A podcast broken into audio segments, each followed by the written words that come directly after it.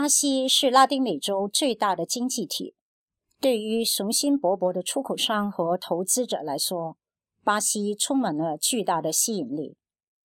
为了深入了解港商在巴西的发展机会和背后的挑战，香港贸发局研究部环球市场小组曾经前往当地做市场调查。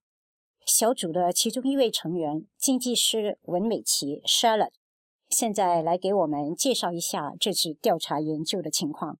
Charlotte，你好。你好。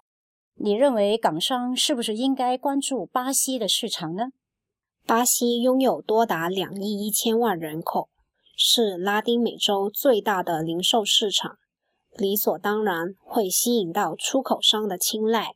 最新数据显示，该国在二零一七年的零售总额高达约四千两百亿美元。假如以产品的类别划分，巴西零售市场的规模有多大呢？根据最新的官方零售数据。仅仅时装市场在二零一七年的零售额便超过四百亿美元，而电子产品、电器行业的销售额也超过两百亿美元。至于体育用品、眼镜和照明产品等等其他消费品，市场潜力也是十分庞大。对于扩展生意来说，把握时机是十分重要的。那么你觉得现在开拓巴西市场是不是一个合适的时机呢？随着巴西的经济从2014年到2016年的经济低谷中逐渐恢复，当地的零售市场也在加速发展。与此同时，香港对巴西的出口也正快速增长。那么，巴西的销售渠道方面有什么新的发展呢？近年来，巴西的电子商贸欣欣向荣，发展急速。港商若要分一杯羹，除了可以考虑与 AliExpress、Wish、Amazon 和 eBay 等国际电商平台合作外，也可以和拉丁美洲的网上销售平台合作。例如，屹立巴西近百年的本土零售商 B2W Group 也新开设了跨境电商平台 Americanas Mundo。也是可以合作的对象。另外，就产品的品类而言，鞋履、皮革和旅行用品、电子产品和电器都是巴西消费者普遍会上网购买的产品，网购比率达到百分之八。而文化、娱乐和体育用品的网购比率也颇高。看来，巴西的零售和贸易前景相当乐观。相信会吸引不少出口商的关注。至于投资方面，巴西的投资前景又是怎么样呢？随着博索纳罗政府上场后，巴西的投资前景获得不少投资者的青睐。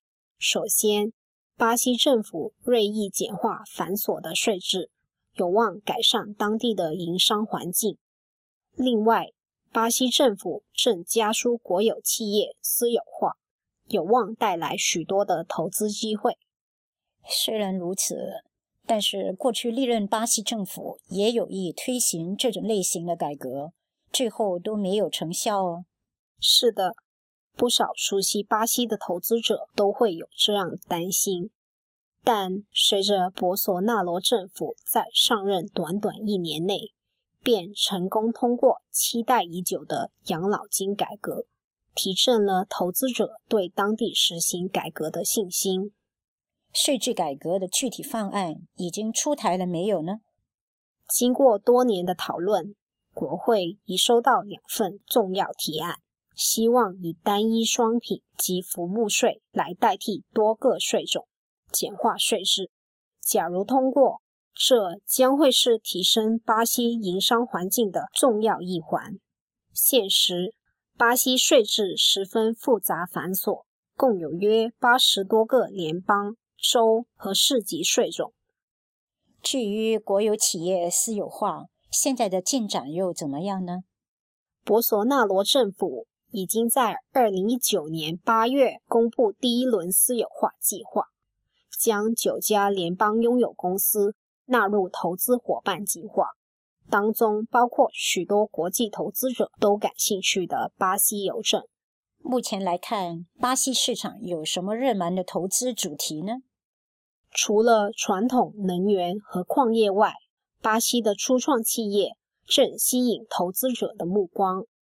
现实，巴西被评为拉丁美洲内最优秀的初创生态系统，并汇集区内大部分的创投资金。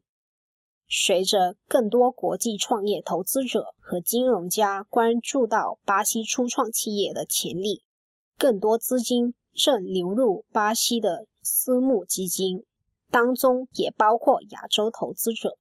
近年来，亚洲投资者开始更积极与巴西的初创企业接洽，例如2018年，中国的腾讯。投资了发行虚拟信用卡的巴西金融科技初创企业 NewBank。二零一九年，日本的软银集团成立了规模达到五十亿美元的拉丁美洲投资基金，当中几百万美元已用来支持一些巴西初创企业。好的，Charlotte，谢谢你的分享，谢谢。